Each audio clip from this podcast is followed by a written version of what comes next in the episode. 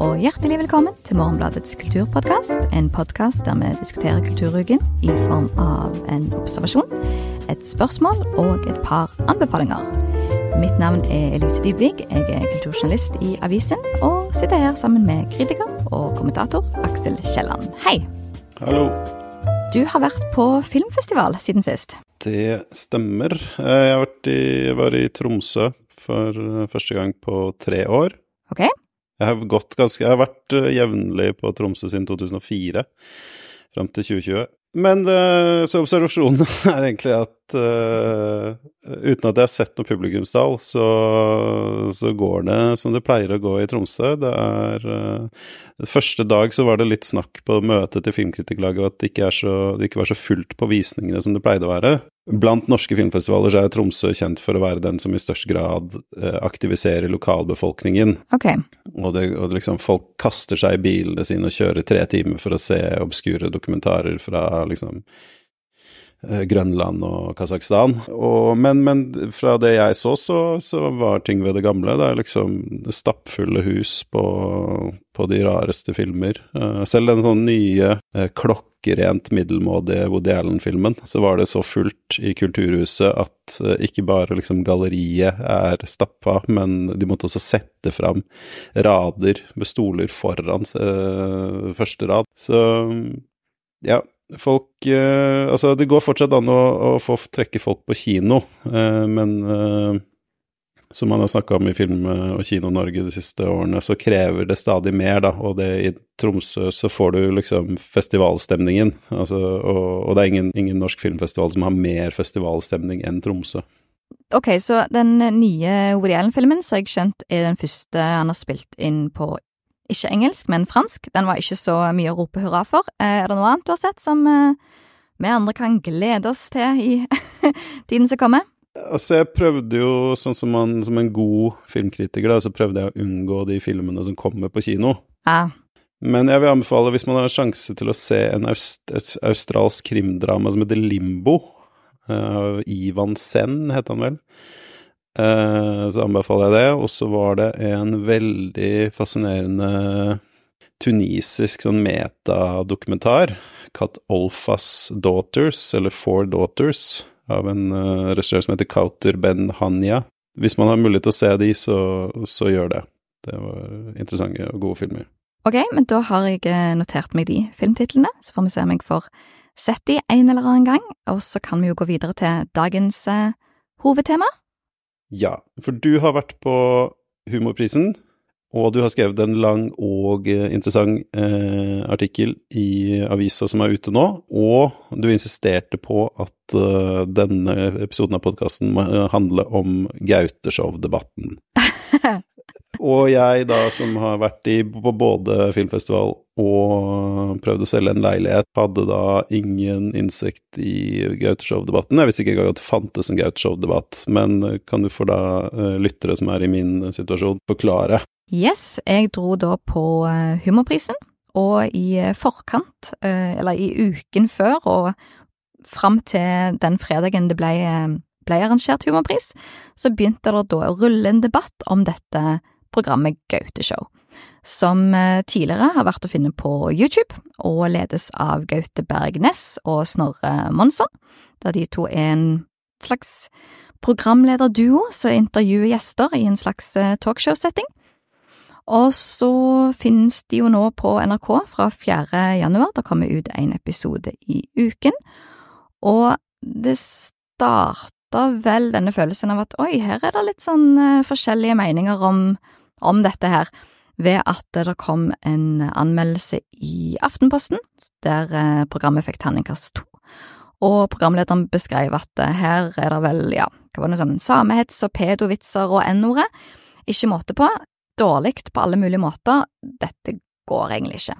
Så, men selv om du ikke har fått med deg Gauteshow-debatten i sine I alle sine former og varianter, Aksel, så har du vel så jeg skjønt sett noe av det. Kan ikke du fortelle hva liksom, inntrykk du hadde av å, av å nå satt deg ned med det? Jo, jeg har sett de eh, episodene som har ligget på NRK, så er det noe av det som ligger på YouTube. Mm -hmm. Det er en type talkshow uh, som har en uh, ganske lang tradisjon, hvor du har en eller flere programledere som, som, på en måte går veldig inn i en karakter som dumme og litt sånn er liksom, Det er ingenting som biter på de da. Det er ingen sunn fornuft-gjeng der. Og så stiller de liksom dumme og drøye spørsmål med mål om å sette ut og fremprovosere noen interessante reaksjoner hos intervjuobjektene sine.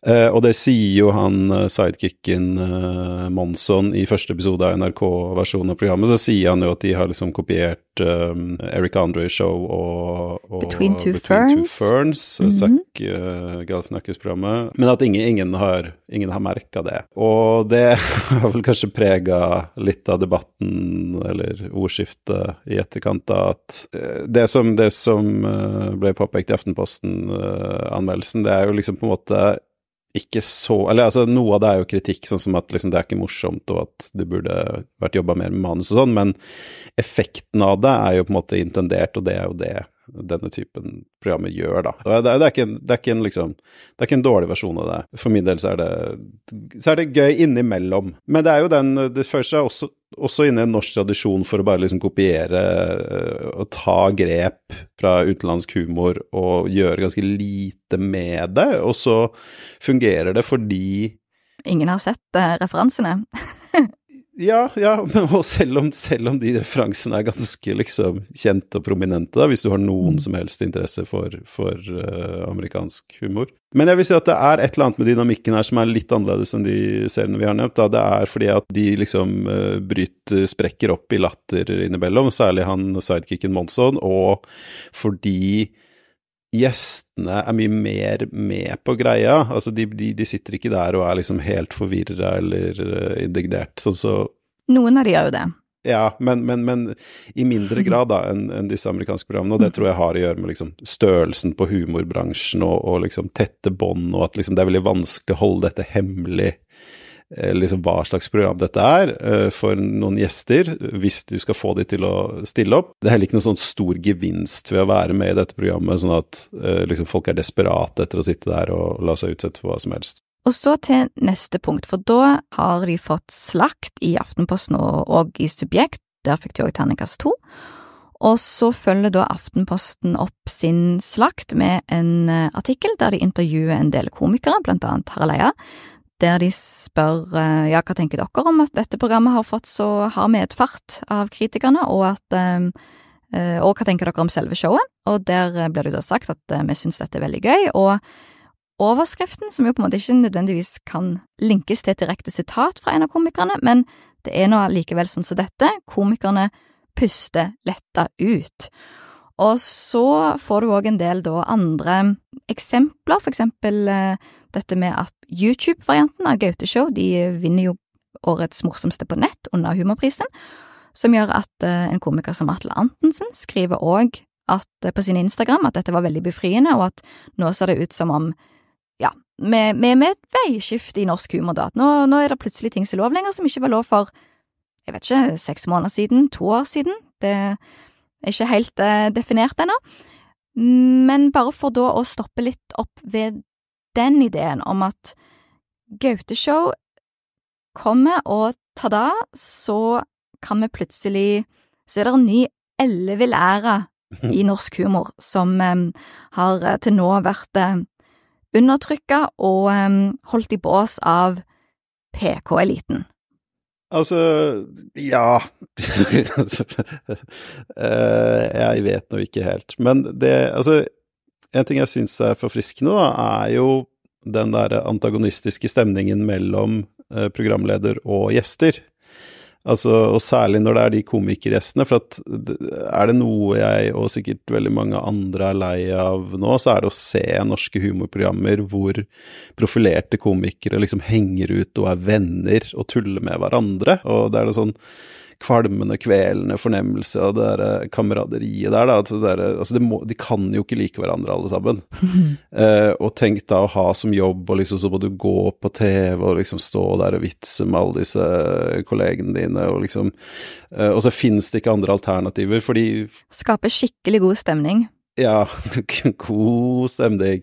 eh, og det fins ikke alternativer fordi, fordi liksom ingen vil betale for manusbaserte programmet lenger, og det, det, som jeg pleide å tenke på som liksom hvile på laurbærene-humorserien, den som NRK, liksom profilerte NRK-komikere lagde når de meldte overgang til TV Norge og ikke følte for å ikke følte for å anstrenge seg og ikke følte at de hadde noe bevis lenger. Mm. Det har blitt den dominerende humorsjangeren i Norge, og til et punkt hvor mange unge komikere som ikke har noen laurbær å hvile på fordi de aldri har fått sjansen til å lage sine egne serier, de, de liksom fyller også opp de seriene. Og, og det jeg tror at hvis det er noe denne bringer til torg som er nytt, så er det den derre Altså få inn litt sånn derre Få inn litt dårlig stemning i norsk humor. Få inn litt, eh, litt antagonisme og fiendskap. Det er jo ingenting som har vært bedre enn det. Men det er ikke der debatten er. Nei, helt klart. Og så er det òg et, et, eh, et, konsept, kan en jo kalle det, i dette humorshowet, som veldig mye annet er helt fritt fra. Eh, at her er det en humoristisk idé, og så kan du spørre om en får det til eller ikke, men eh, at her har han fått lov å liksom reindyrke noe, og det, det ser en i veldig liten grad andre steder. Men for å komme da til spole tilbake eller fram alt ettersom til, til humorprisen, for da, etter hvert som hver pris ble delt ut, og da så jeg jo i i aksjon, kan vi si, denne, denne gode humorstemningen som finnes i humorbransjen. Og så må jo det sagt, hadde jeg vært på en eller annen pressekonferanse eller pressefest eller noe sånt, så kan det jo være absolutt lignende god stemning hadde vært eh, det, det en kunne få, uh, få, servert. Men jeg tror jeg sjelden har sittet der og følt meg følt så stor irritasjon over at hvorfor skal det ikke komme noe nå helt utenifra og lage noe helt eget som ikke er på et eller annet metalag om det som allerede finnes i humor eller um, tulle med humorkollegaer. Når kan noen komme utenfra og gjøre noe helt eget? Nei, og det, det er det jeg har tenkt litt på i siste år, at den derre um, Altså, hva er det det siste tilskuddet? Er det det Amazon-programmet? Uh, eh, LOL, hva er det det heter? Den som ler sist?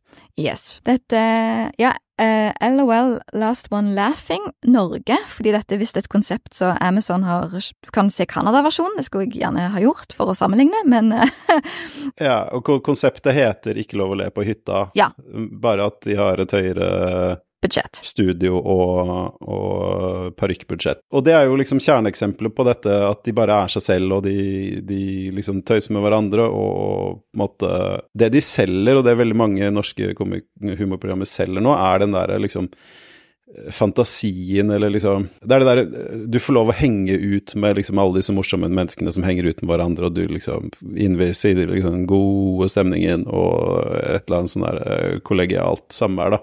Mm. Når, det liksom, når det blir så dominerende, og, og det følger så, så etablerte sånn bransjestrukturer, at det er liksom eh, Altså, det er jo en sånn eh, Det er jo en veldig maktfaktor. Så blir det veldig vanskelig å komme fram noe sted uh, som en motvekt til det. Og, og altså Hele dette liksom behovet for å være venner og, og, og tulle med, uh, liksom gemyttlig med hele den eldre garde i Humor-Norge, det legger jo en veldig demper på all form for sånn nyskapning og nye perspektiver, og egentlig liksom nye stemmer og alt som er, da. Altså alt blir bare en Du rekrutteres inn i det store mm. uh, humoretablissementet, som da fortsetter på sine egne premisser, sånn som det har gjort de siste ti årene.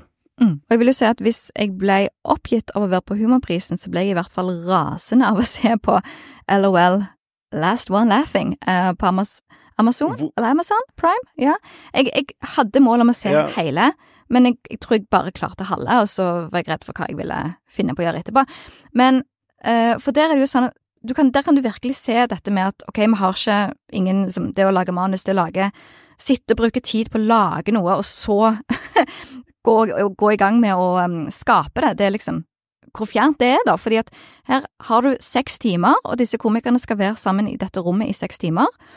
Og sånn som jeg skriver i teksten min, at uh, en føler at uh, samtlige av disse komikerne Du har for eksempel um, ja, uh, alt fra liksom, Og så har du gode komikere. Du har liksom Hege Skøyen og Robert Stoltenberg og Herman Flesvig og, og så videre. Men også en del som kanskje ikke du ville tenkt på som komiker, men som har en morsom persona, for eksempel.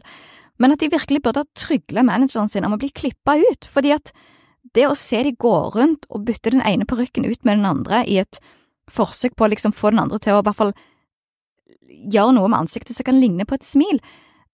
At, at, vi skal sitte og se på dette og bli underholdt av dette, det er så, det er så frekt! Kunne de ikke bare gjort det for seg sjøl på egen hånd? Ja, Nei, altså først, uh, første som slår meg er hvor lenge er det til vi får de der podkastintervjuene hvor folk forteller om hvor mye penger Amazon la på bordet for å Ja, helt klart. For å rekruttere folk til det her. Nei, men er, du er for så vidt inne på det i teksten din. Altså det er et par ting som sammenfaller tidsmessig, selv om det ikke nødvendigvis er noen direkte kobling. Jeg tror det er en kobling, men det er da denne klaging over at det ikke er lov å si noen ting lenger i humorbransjen. Eh, så er det fremveksten av disse ikke-manusbaserte reality, alle er venner, uh, tull med kompisene-programmene. Mm -hmm. Og så er det populariseringen av roast i Norge. Og da har du jo liksom satt på spissen et, et eh, scenario hvor komikerstanden da forventer at de skal bare kunne henge ut og tulle med vennene sine på TV. Ingen skal kunne si noe på det, ingen skal bli sure.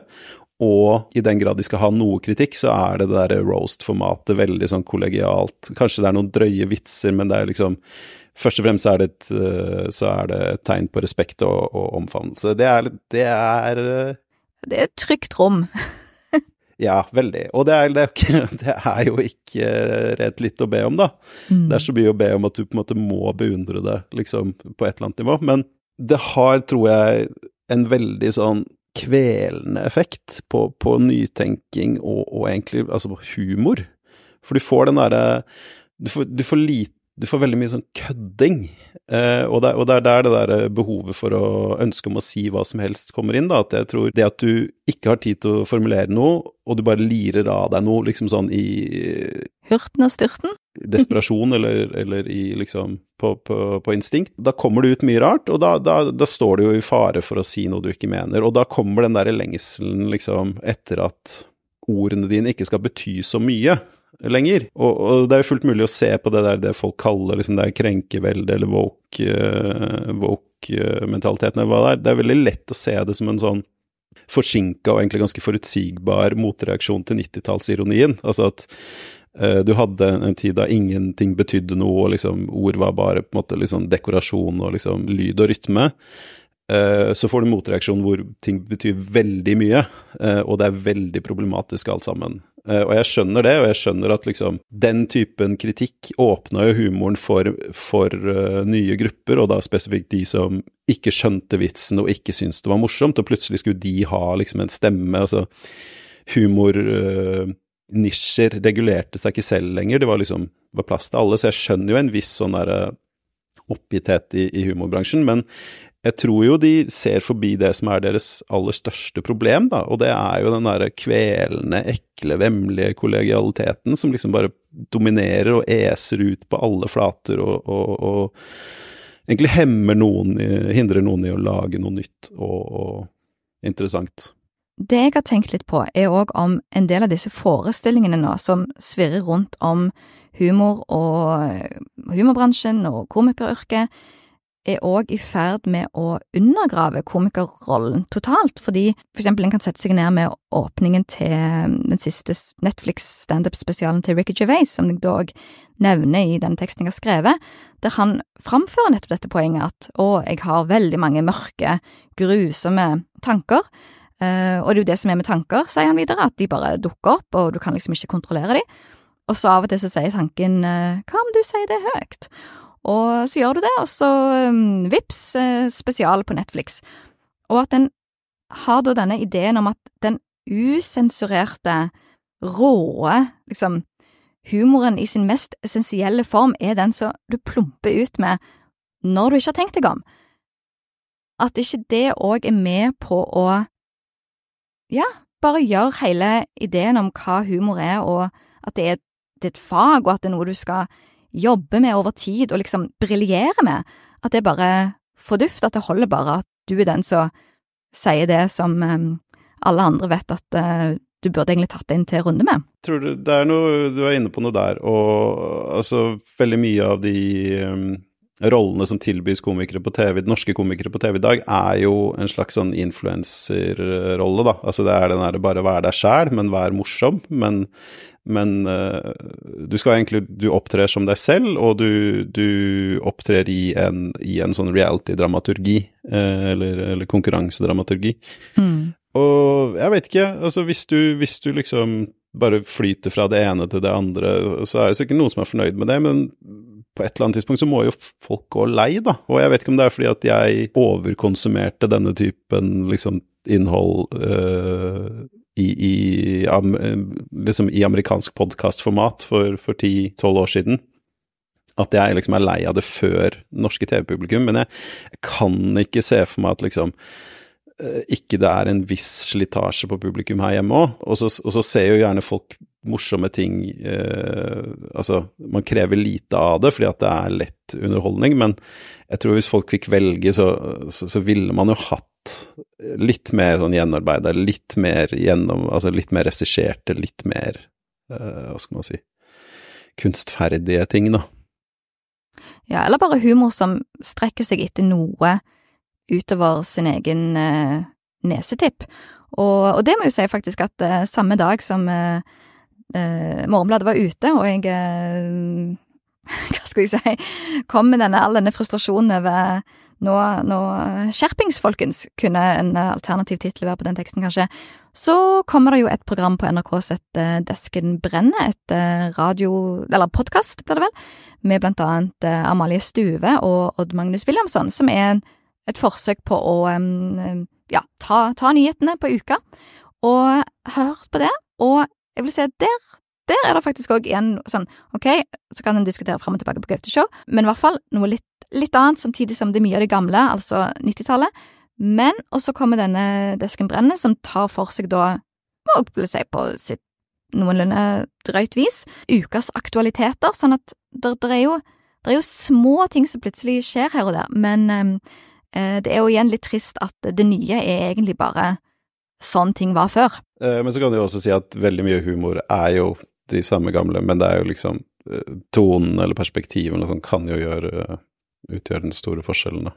Det er helt klart, eh, men da vil jeg jo si at vi er jo ikke igjen heller rigga for en skikkelig humorsamtale om, om Gaute-show, og derfor så får jo igjen komikerne lov til å spille rollene som kompromissløse helter i et system der de på alle mulige måter inngår kompromiss dag etter dag etter dag etter dag. Så nå, en eh, uke etter jeg har vært på eh, Humorprisen og eh, rundt to uker med Gaute-show-debatt, så har en slags versjon av Jeg gikk meg over sjø og land surret rundt i hodet mitt, der spørsmålet er hører vi nå hjemme i krenkeland? Men det kommer jo litt an på hva teksten er videre. Er det alle de som krenkes kan, eller alle de som krenker kan, som hører hjemme i krenkeland?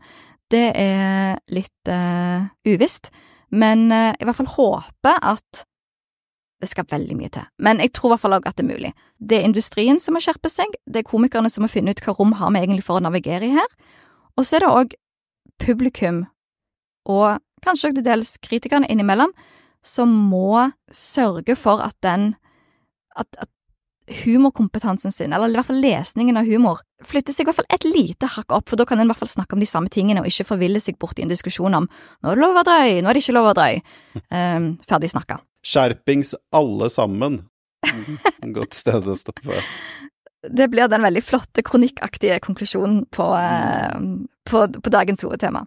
Nei, men det er, det er, fint. Da går vi videre til anbefalinger. Aksel, hva, hva vil du at vi skal se nærmere på?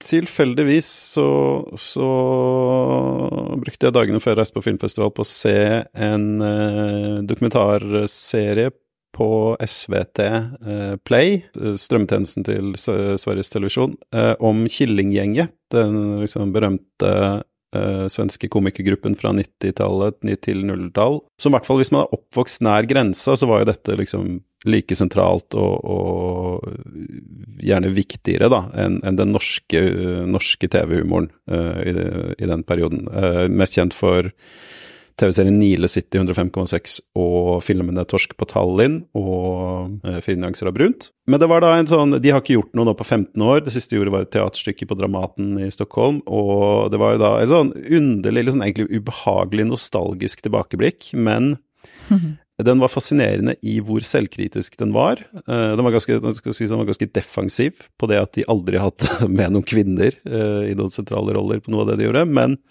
det var også veldig mye sånn åpenhjertighet rundt hvor vanskelig det der kameraderiet eller vennskapet og liksom, hva skal man si det, det offentlige eh, gjengaspektet eh, ved, ved, ved, dem var, og, og særlig Henrik Schyffert, han liksom ansiktet deres utad, hadde, hadde noe sånn merkelig åpenhjertige innrømmelser der av hvor på en måte lite selvfølelse han hadde, og han, de illustrerer det med klipp fra tidlig Killinggjeng at liksom, dette er en mann uten kjerne, dette er en mann uten altså sånn. Så det er veldig interessant å se. Men, men, det som da ble særlig interessant i forbindelse med det vi snakker om nå, var jo at de selv aktivt tok et grep da på slutten av 90-tallet, og liksom de var jo den svenske ironiens ansikt utad fremfor noen TV, altså TV-humor humorironien. Men de da innså selv at dette var litt tynt, og at de måtte liksom utvikle seg, og, og det var da de da lagde disse filmene. Og jeg vil si både,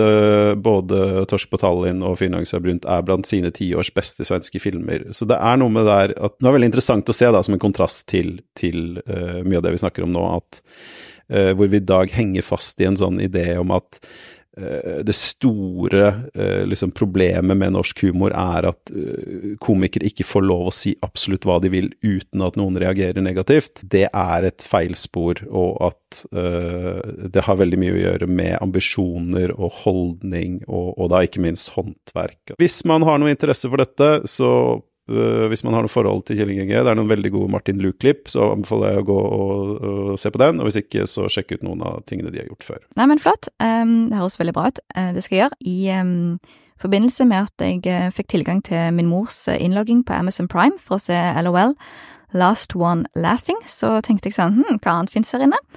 Og da kom jeg over Saltburn, som jo er dette overdådige blikket på britiske klassehierarkier, som òg har siden jeg hørte om filmen for vel et par måneder siden, hørt at å nei, det er så drøyt, og, og det er ikke måte på, de henger ut i rike, men jeg har òg hørt det er egentlig en reklame for Oxford og verdens eliteskoler så videre, men det var veldig, veldig dårlig. Det var helt, helt grusomt. Eh, nesten like ille som LOL Last One Laughing. Har du fått med deg eh, Saltburn på noe vis, Aksel?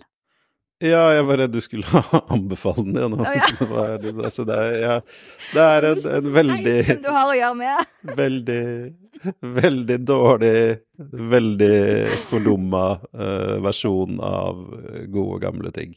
Ja, det er liksom det! Det er liksom, og, og jo da, vi nevner Evelyn Waugh og Brideshead. Det er Talented Mr. Ripley og Brideshead Revisited ja. for, for TikTok-generasjonen. ja, ja. Nei, så dette, dette, er en anti-anbefaling, så mer for å ikke liksom gå i samme felle som meg hvis en plutselig skulle havne med en uh, Amazon Prime. Um. Ja, Du anbefaler at folk holder seg unna? Jeg anbefaler at folk holder seg unna. Og ikke minst, så hvis en kan liksom konkludere med en slags observasjon i det verste Det verste jeg satt igjen med, på en måte, med den Saltburn, er at hvordan de framfører et poeng som jeg, jeg, ser veldig ofte i film og TV, at kommer du fra lavere klasse, så har du ikke, du har ikke personlighet. Du har ikke hatt muligheten til å utvikle deg som person, fordi at i din higen etter å bli en del av overklassen, så har du gitt slipp på alle personlige særtrekk og um, lynner, sånn at du bare er en, um, en uh, blass skikkelse, så publikum kan bare dumpe alt sin egen eh, ikke-eksisterende lengsel og higen på, og det er ganske det er litt skandale, faktisk. Yes, men da runder vi av med en anti-anbefaling. Så eh, er det bare å gå inn på morgenbladet.no hvis eh, noen kunne tenke seg å lese min tekst om alt som feiler norsk humorbransje. Den finnes òg i avisen, skulle en plukke opp den. Så da er det bare å si tusen takk for oss, og tusen takk til produsent Kristine Aas, og at ansvarlig redaktør er Sunn Heidi Sæbø. Og så snakkes vi neste uke.